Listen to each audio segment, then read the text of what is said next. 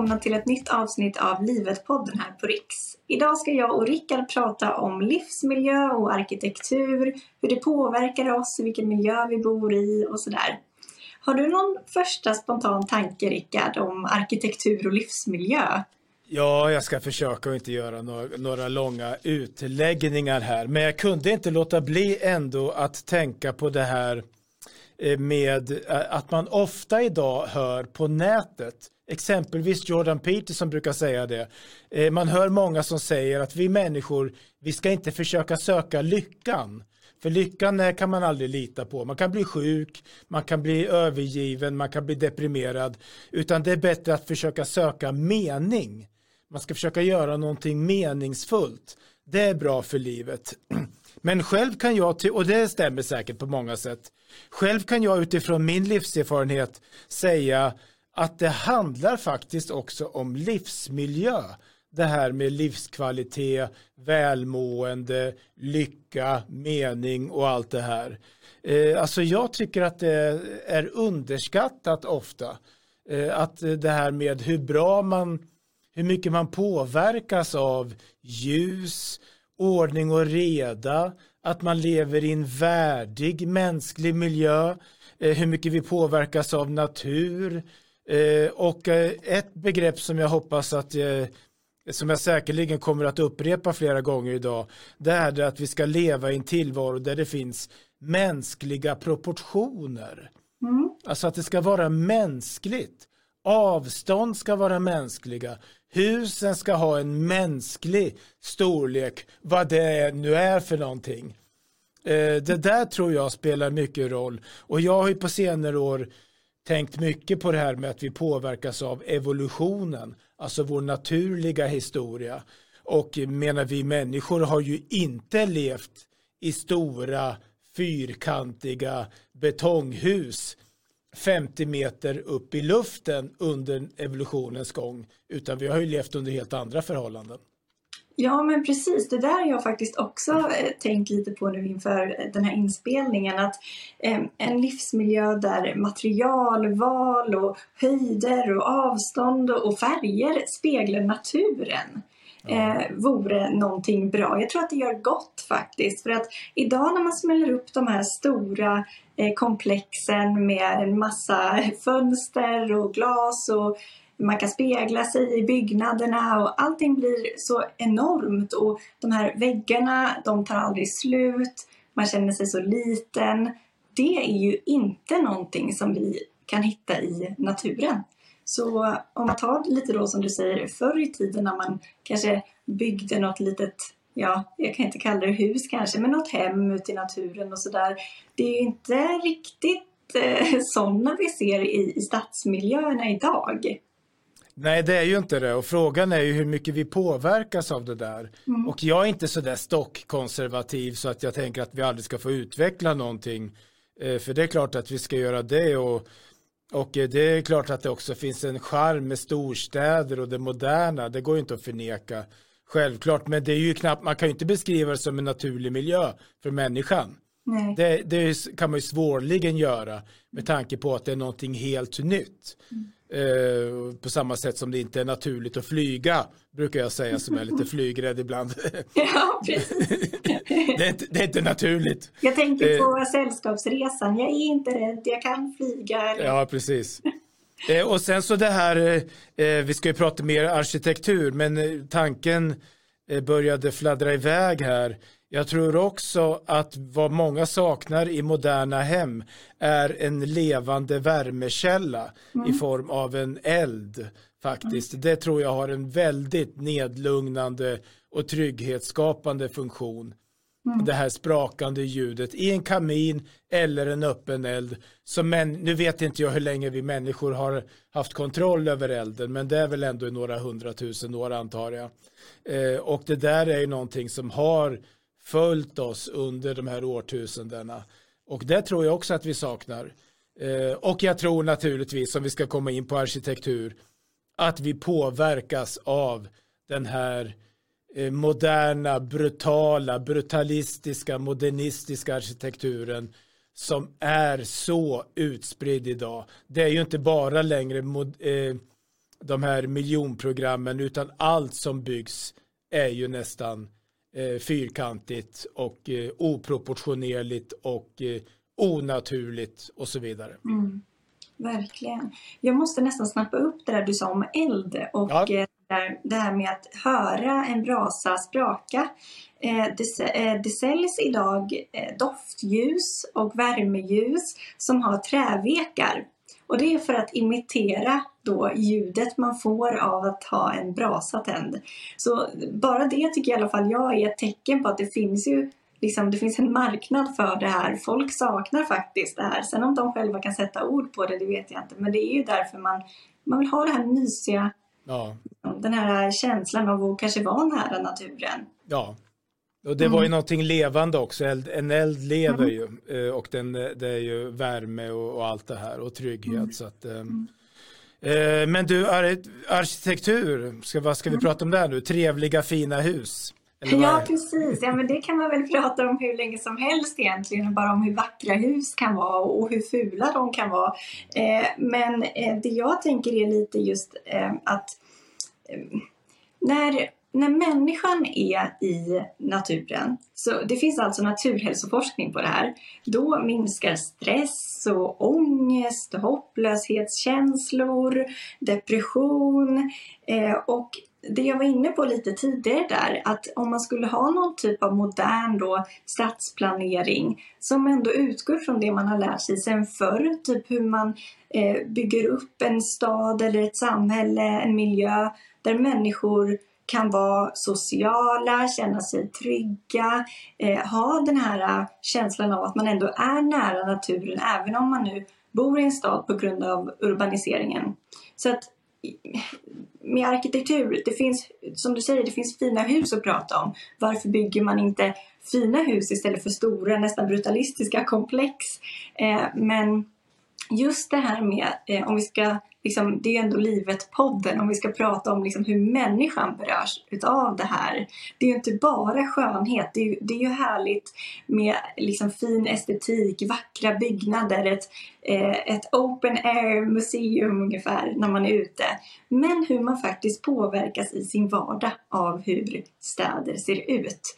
Eh, jag har fått in en del eh, kommentarer här för att jag frågade mina följare på Instagram Eh, Eh, hur de påverkas av eh, just arkitektur och livsmiljö. Så jag slår ihop dem lite.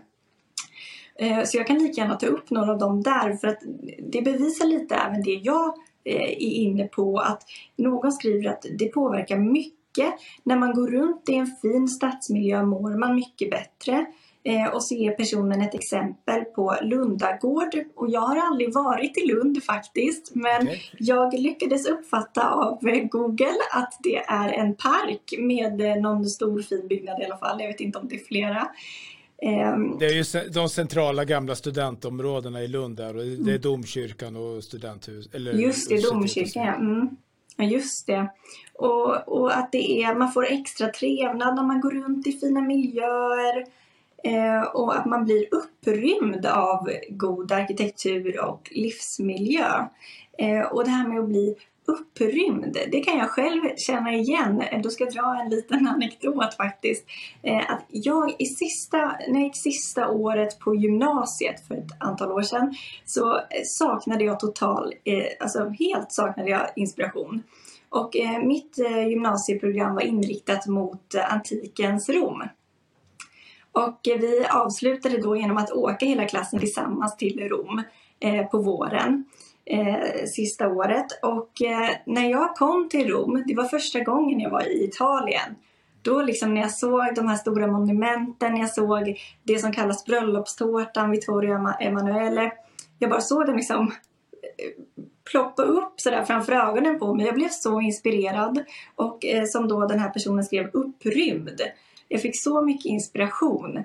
Och utöver då att bara känna trygghet där man bor och sådär, att, att bli upprymd av vackra byggnader, det är en sån häftig känsla så att det kan liksom ge en inspiration på andra plan i livet också. Inte bara det här vanliga vardagliga. Ja, verkligen. Eh, vi kan ju prata om Italien. Jag åkte en gång till Italien. Jag bott i Bologna ett år bara för att jag längtade efter skönhet. Ja. Eh, faktiskt. Och Bologna är ju ändå en gammal så här innerstadsstad med en stabil stadskärna. Eh, och eh, för du, jag tänkte på det, för du var lite, jag tänkte att nu förstår jag inte riktigt vad Mira säger här. För när du pratar om livsmiljö och städer och sådär och det här med naturen, mm. att vi lugnas ned, blodtrycket sjunker, vi, vi mår bättre om vi är i naturlig miljö. Vill du se städer som är öppna och som har parker? För jag tänker liksom att Gamla stan i Stockholm, jag blir hur lugn som helst. Jag tror det finns tre träd i Gamla stan, mm. jag minns inte riktigt, någon kanske vet av våra tittare. Eh, och eh, centrala Florens, centrala Bologna sådär. Eh, vid Florens så har vi floden Arno, den påverkar ju också, eller Rom då naturligtvis. Mm. Det är bara så här innerstad, mm.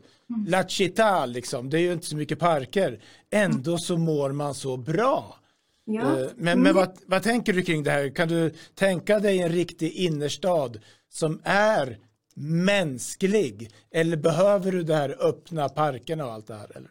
Ja, jag föredrar när det finns eh, ja, men parker, men även om det liksom, låt säga Gamla stan och så finns det ett träd i en gränd någonstans. Mm. Då är det jättehärligt att det finns ett träd där och sen så tror jag att det spelar stor roll hur byggnaderna ser ut. Du nämner ju där Gamla stan. Gamla stan är ju fantastiskt mysig trots att det inte är jättemycket natur.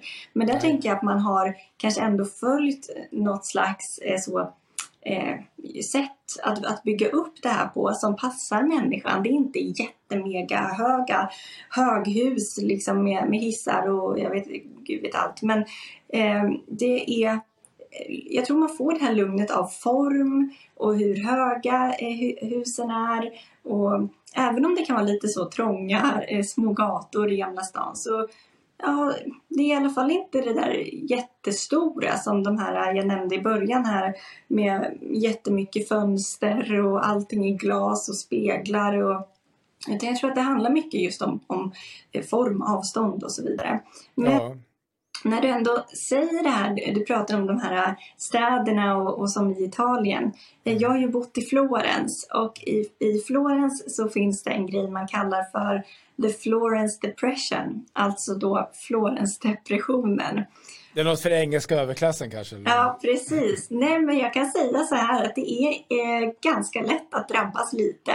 Eh, det, är, det finns ett gäng månader på året när Florens blir ganska eh, grått. Solen når inte in eh, bakom alla de här massiva byggnaderna. Eh, och alla byggnader har ju ungefär den här beigeaktiga färgen.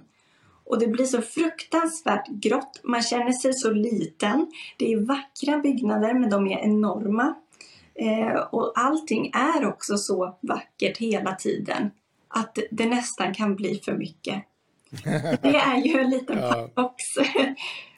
Men, men... Ja, nej, men Florens är ju speciellt eh, och säkert många, några av våra tittare som har varit där. Jag satt bara och tänkte på det.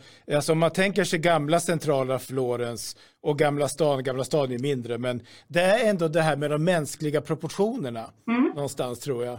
Mm. För även om det naturligtvis finns st stora byggnader i Florens och Stock i Gamla stan så har vi Stockholms slott som ju täcker ungefär en, en kanske en tredjedel av hela ytan på, på den där ön eh, så är det ändå det övriga är aldrig mer än fem, sex våningar högt. Så man orkar ta trapporna.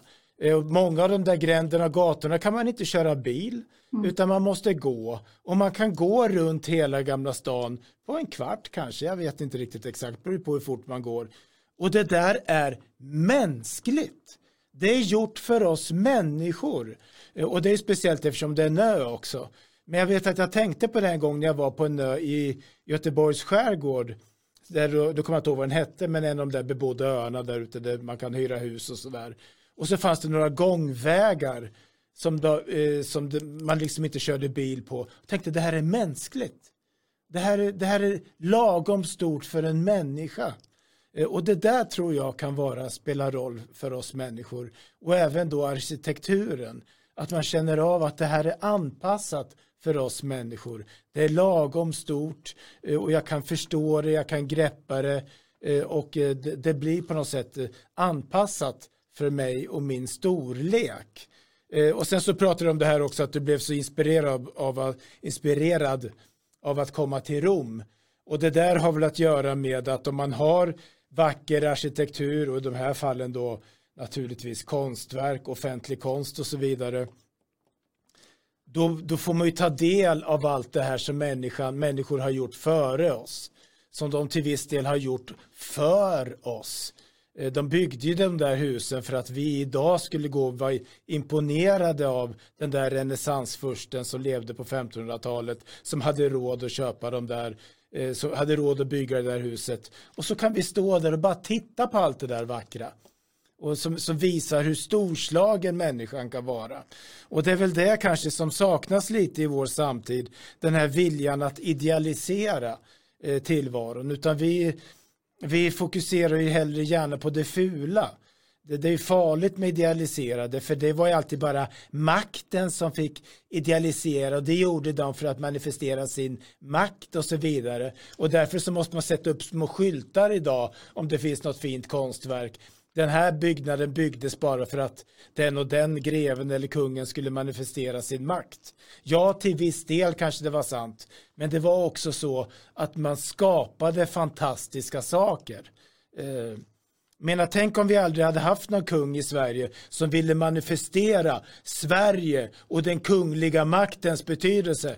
Då hade vi inte haft något Stockholms slott. Nej. Och vad skulle, vad skulle turisterna då ha tittat på? ja, men precis. Och, och det är faktiskt en av, en av lyssnarna här som har, eh, som har skrivit att samhällen som är på uppgång återspeglar det i sin arkitektur och vice versa. Eh, och så är det ju faktiskt. Tror du ja. Att eh, framtidens människa kommer gå runt och titta på det som byggs idag här i Sverige och liksom wow? Nej.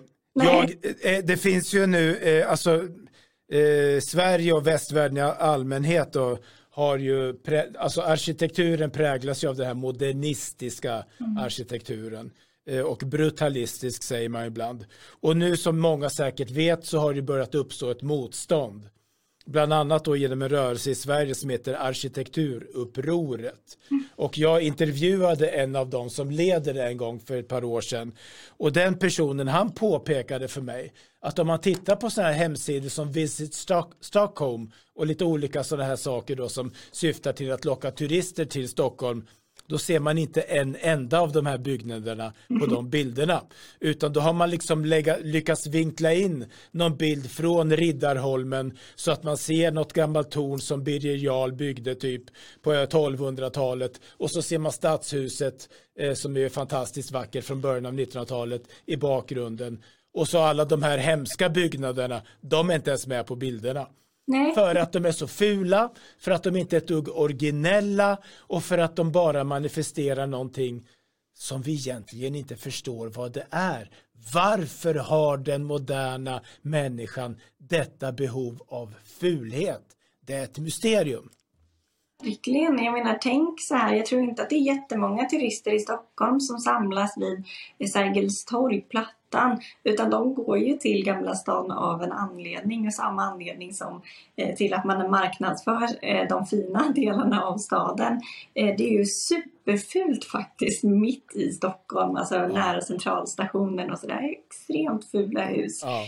Men jag tänker lite också på det här med om detaljer kan vara en sån grej som, som, eh, som vi har missat här. För att det, i, på de här, även både svenska husen och de italienska stora maffiabyggnaderna, mm. så de äldre har ju ofta en hel del krumelurer. Det finns ju faktiska termer för dem också. Men eh, detaljer, jag tror att nästan, jag upplever att man har glömt vikten av de här detaljerna.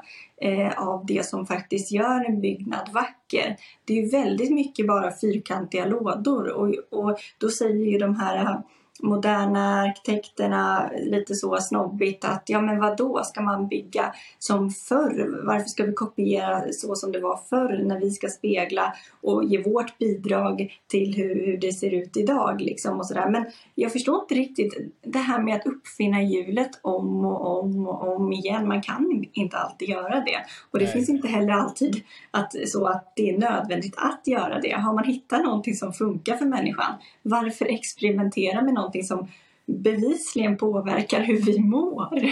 Ja. Det är så ja, jätteintressant frågeställning där. Eh, det, det vill säga ornament kanske heter, de här utsmyckningar som finns på hus då. Och de kan man ju välja att göra fula om man vill vara lite modernistisk. Men mm. det, det, är intressant det här, för att eh, eh, om vi tänker oss en mer traditionell eh, arkitektur så i, den innehåller ju olika stilar. Man byggde ju inte samma hus på 1600-talet som man byggde i början av 1900-talet. Men, jag, och jag är inte expert här, men det finns vissa estetiska eh, drag som går igen i de här husen. Så man lär sig ganska snart. Mm. Ja, dels är det ju regelbundenheten då naturligtvis. Och det finns ofta också en, en, en, en någon slags markering nära höjd, slutet av huset, där uppe, toppen av huset, eh, som är på väggen till exempel. Eh, och ett sätt att förstå det där, det är att den, de här, den här arkitekturen till viss del ofta återspeglar våra mänskliga proportioner. Mm. För det är ju en intressant teori som vi ska återkomma till snart. För du kom in på någonting ännu mer intressant alldeles nyss, nämligen det här med vår samtid och att man bygger så fult och att vi inte har någon egen klassisk arkitektur. Ja. För vi, vad vi skulle ha gjort hade ju naturligtvis varit att skapa en egen eh, stil som på något sätt respekterar det som vi kallar de klassiska reglerna för skönhet och harmoni men som hade varit tidstypisk för oss. Mm. Det hade ju varit det rimliga. Och istället har vi den här eh, öppet fula och eh, icke-regelbundna och regelvidriga arkitekturen. Frågan är faktiskt om inte den finns för att den återspeglar någonting som finns i vår samtid. Mm, faktiskt. Den är en bild av vår samtid, vår moderna samtid. Tyvärr. Mm. Eh, för arkitekturen är ju inte bara det, en, det är inte det enda område där våra samhällen har på något sätt lämnat det traditionella, lämnat det enkla, lämnat det sunda, lämnat det sköna. Eh, utan det, det, det kan ju, finns ju på en rad områden och det kanske var ofrånkomligt. Möjligtvis var det ofrånkomligt, men jag är övertygad om att det kommer att ta slut. Det ja. tror jag. Och att ja. det kommer att komma tillbaka. Vi kommer hitta tillbaka till någonting annat. Det tror jag. Eller ja, vad tror du? Jo men absolut, jag tror också det. Och sen kan man väl inte direkt påstå att Sverige är ett samhälle som är på väg, eh, vad säger man, uppåt, på uppgång som någon av, av lyssnarna beskrev det. Utan det kan ju också vara en, en sån anledning till att, att det speglas också i, i hur allting ser ut eh, utomhus så att säga. Ja. I de gamla, de gamla öststaterna i Europa, som de gamla kommunisterna, kommunistiska staterna, om vi glömmer bort Ryssland då, mm. så har man ju levt med den här kommunistiska brutalismen, ja. eh, samhällsexperimentet, den här fula arkitekturen som de hade och det här utopistiska samhällsexperimentet i allmänhet. Och mm. de bygger ju idag hus och städer i traditionalistisk stil i, i Östeuropa. För att ja. de, vill, de vill inte ha det här. Nej, de, vill de, vill, ha det här. De vill, ha, de vill ha det gamla. Ja, ja, men det är väl bara de som bygger det här själva som vill ha det här känns det som. Jag vet inte ifall det skulle visa upp bilder på eh, supervackra, klassiska, fina gamla byggnader eh, bredvid en sån här bara grå betonglåda vad hade man valt? Jag tror att de som hade valt den här grå betonglådan, jag hade i alla fall upplevt det som extremt, extremt pretentiöst. Eh, och bara, nej men jag, lite sådär, man måste så vara motvalls. Jag tror verkligen att de flesta hade trivts bättre i ett område eller på en plats där det finns vackra hus, en vacker stadsplanering. Och det leder mig lite in på just det här med stadsplanering. Jag tänker på det har varit en fråga nu på senaste om eh, bilfria städer. Och då är det så här att många eh, sammankopplar det direkt med klimatmissar och Miljöpartiet och något.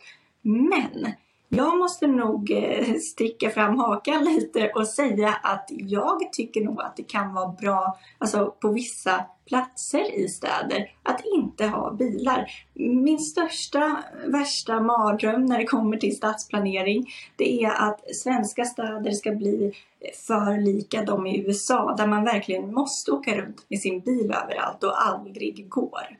Mm. Eh, så... det där hänger väl ihop med eh, För jag vet att i min gamla hemkommun Finspång där ser jag då på Facebook som jag följer diskussionerna lite grann att där har ju centrum dött mer eller mm. mindre.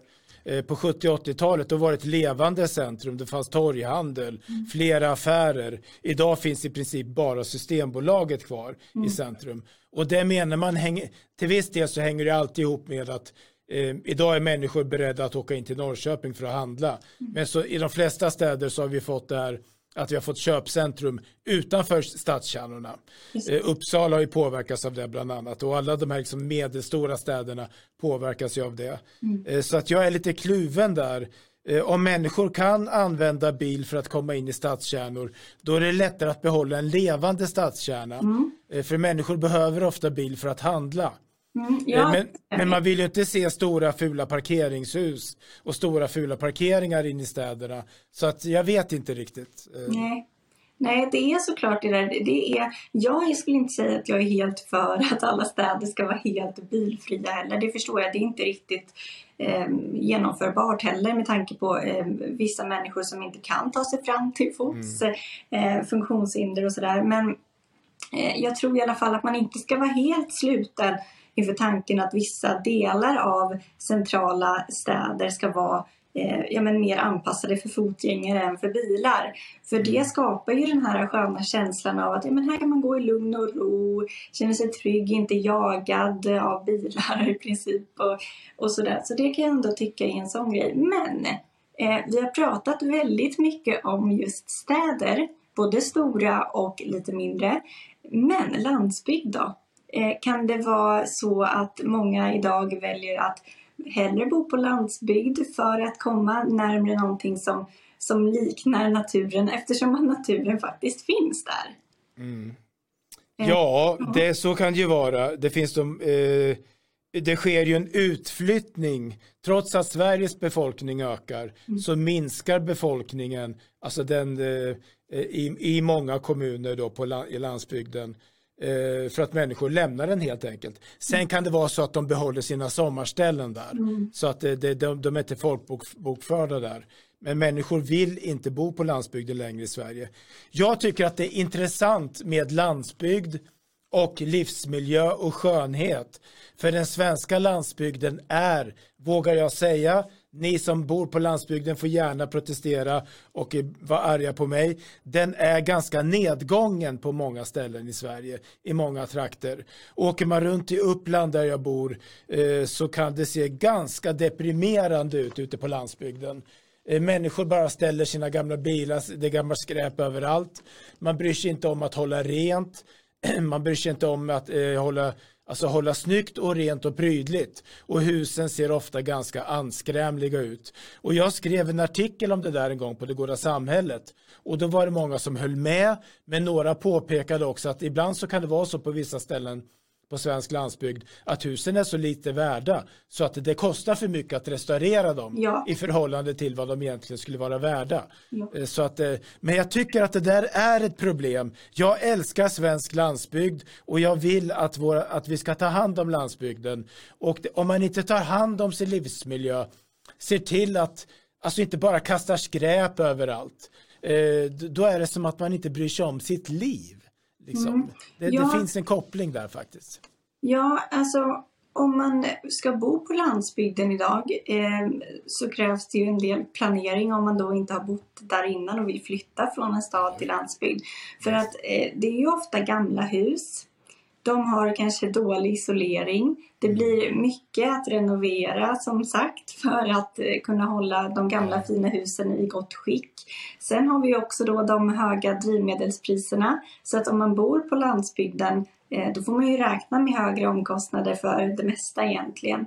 Eh, så att det är ju på något sätt så tycker jag inte att politiken är utformad för att man ska känna att jag känner mig trygg i att flytta ut på landsbygden.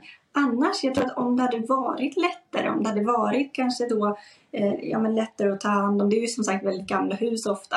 Mm. Eh, men jag tror ändå att, att många skulle kunna tänka sig att vara, eh, ja, men, eh, vara öppna i alla fall för att kanske bo på landsbygden om det fanns. Men jag tror många kanske har blivit bekväma också Ja, jag är, jag är lite så här kluven här för att det jag sa nyss det går, rimmar inte riktigt med det jag kommer säga nu. Mm. För nyss lät det som att det måste vara snyggt och fint och ni måste hålla ordning alla människor som bor på landsbygden. Jag ser ett annat problem också och det är den här renoveringshysterin och den här standardhysterin som vi har i Sverige. Det är nämligen så att hu ett hus går inte under för att allt inte är perfekt. Nej. Alltså, eh, om, om man kan undvika att det läcker och om man har värme i huset så klarar man sig rätt långt, sa någon till mig som kan det här mycket bättre än vad jag kan det här. Mm. Och det är inte så att man alltid måste göra perfekt allting. Eh, problemet är ju ofta att försäkringsbolag kan kräva ganska mycket och de kan kräva att det ska vara hantverkare som gör och det räcker inte att byta bort en del som har ruttnat utan allt måste bytas och så tror man att det är så och så måste man betala 300 000. Mm. Så att eh, jag tror att vi svenskar måste till viss del lära oss att allt behöver inte alltid vara så perfekt. Nej. Om vi ska bosätta oss i de här gamla husen som finns på landsbygden och som ibland kan kosta 200-300 000 kronor och inte mer. Ja, eh, men precis. Mm. Verkligen. Men jag tror alltså att det här med renovering, om man tittar på det här nödvändiga när man renoverar ett gammalt hus som då isolering och så vidare. Eh, idag när elpriserna är så oerhört höga ja. Då blir ju det en, en, slags nödvändighet att ha ett superisolerat hus och det ska vara eh, det ska inte dra så mycket el och allting ska vara på plats och, och då blir det ju eh, krångligt tror jag för många att ta det här steget till att flytta till ett äldre hus som ja, kräver visst. mer. Eh, eftersom, ja men som sagt politiken den överensstämmer inte riktigt med eh, om man skulle ha ett mål om att kanske fler skulle bo kvar på landsbygd eller våga flytta ut. Nej visst, det, är ju, det där är ett intressant område. Men, men jag tänkte bara på det nu, det här med landsbygd och hur jag fick ihop det här nu lite grann. Det var ju du som kom in på det i och för sig. Mm. Men jag anser ju att våra städer där jag bor i Uppsala, där har man ju byggt otroligt mycket det senaste decenniet. Och man fortsätter att bygga. Och en del av husen, de är så fula så att man kan inte tro att det är sant. Eh, alltså det ser inte ut som hus. Eh, och eh, tycker jag i alla fall, och jag hoppas att de som bor där inte tycker likadant. Och då, då kan det ju bli så att man till slut tänker, jag står inte ut med det här längre. Ja. Utan nu vill jag ha en mänsklig miljö omkring mig. Mm. Och som du var inne på förut kanske, naturen är ju alltid naturen. Ja. Him himlen kan ju inte vara någonting annat än himlen, även om den är grå eller om den är blå så att säga. Och eh, det finns ju en gräns för hur mycket man kan vanställa naturen kanske. Eh, så att möjligtvis ur den aspekten så kommer vi människor börja söka sig tillbaka till kanske landsbygd. Jag ser i Uppsala att det byggs mycket villaområden, typ några kilometer utanför stan, där människor bosätter sig i villor för att slippa mångkulturen också naturligtvis. Mm, eh, också, så, ja. mm. eh, men att eh, jag tror ändå att eh, na, landsbygden är ju mer naturlig livsmiljö för oss människor. Och visst, det är fantastiskt med de här gamla kulturstäderna eh, som vi pratade om förut. De har ju till viss del förstörts i Sverige. För de flesta stadscentra, de förstördes ju på 50-60-talen.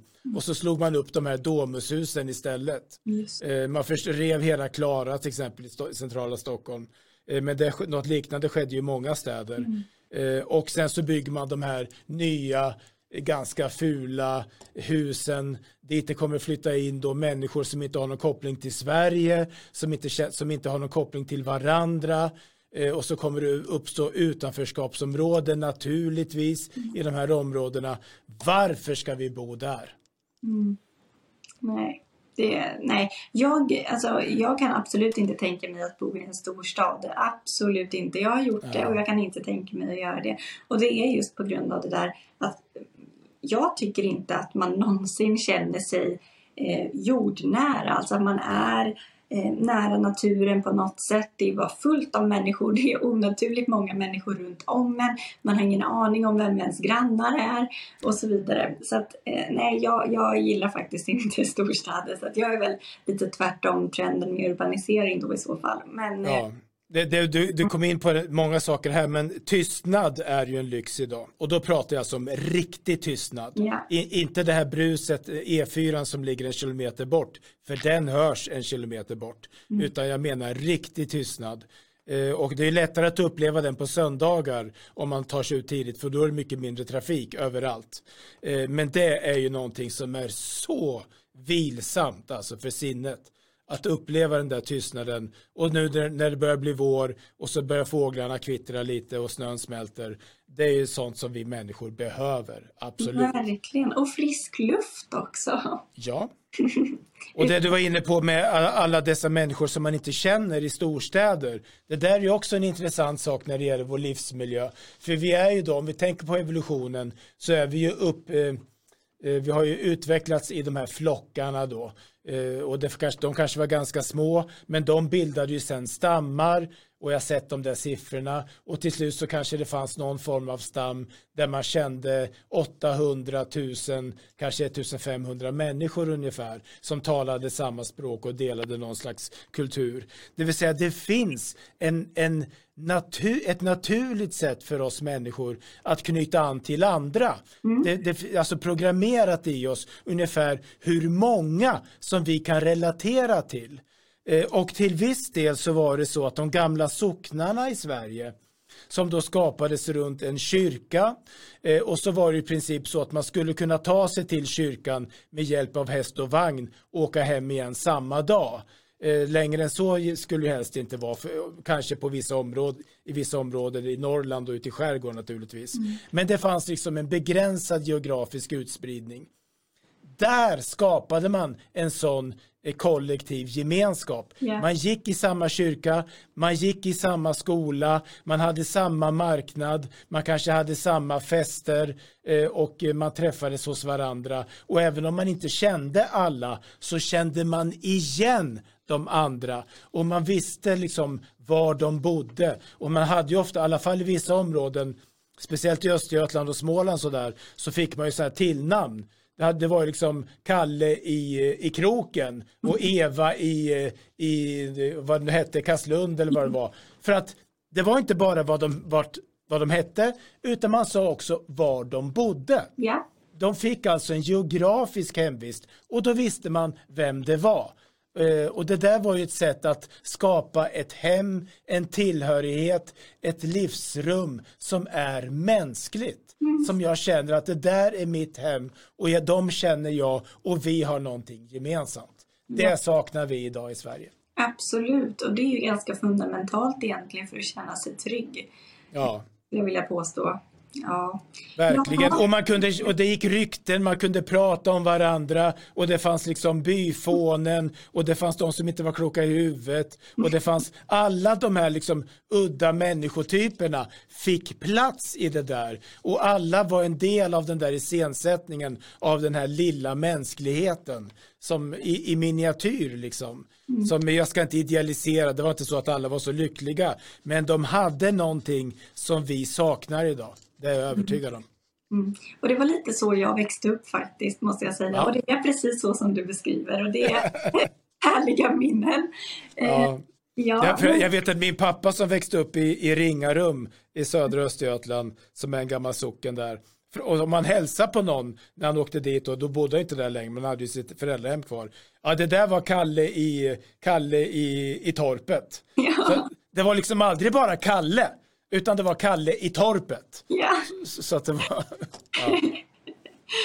Om det inte kunde bli lite mer så nu för tiden, det hade varit underbart. Ja, verkligen. Men då måste vi skapa sådana gemenskaper igen. Alltså. Det är ju det. Det är ju det. Det räcker egentligen inte att sitta och drömma och önska, utan då får man nästan ta saken i egna händer och ja. vara med och bygga någonting faktiskt. Men, men, om vi ska försöka runda av det här lite idag då och mm. Eh, sammanfatta vad vi har gått igenom och vad vi har kommit fram till. Vad skulle du säga då? Ja, att eh, vår, eh, vårt välmående, det här med att vara människa, det handlar ju också om att vi hela tiden försöker må bra. Mm. Sen om vi söker lyckan eller inte, det vet jag inte. Men det, det ligger i människans natur att vi vill ha det bra. Mm. Eh, och en av de viktiga aspekterna, det är vår livsmiljö. Och den är nog viktigare än vi tror faktiskt. Eh, ljus, mörker, hur vi bor, hur vi tar oss till jobbet, hur det låter, buller, Eh, och vem vi har omkring oss, litar vi på våra grannar och idag så har vi pratat, eh, eller det var tänkt i alla fall att vi skulle prata mycket arkitektur och vi människor vi behöver skönhet. Skönhet i tillvaron Och det säger ju nästan ingen idag längre att vi behöver skönhet. Och vi behöver bo i hus som vi uppfattar som estetiskt tilltalande. Och våra hem kan vi ju försöka göra estetiskt tilltalande. Mm. Det är ju upp till var och en naturligtvis. Mm. Men att även husen, kvarteren, städerna och även landsbygden mm. eh, bör helst vara estetiskt tilltalande. För då är det lättare och roligare eh, att vara människa, det tror jag. Verkligen. Bra sagt Rickard. Ja. bra samtal idag tycker jag. Väldigt, väldigt intressant ämne. Ja. Eh, då får jag tacka er som har tittat och lyssnat så mycket. Eh, det här var då Livet-podden på Riks och ni får ha det så bra tills vi hörs nästa gång.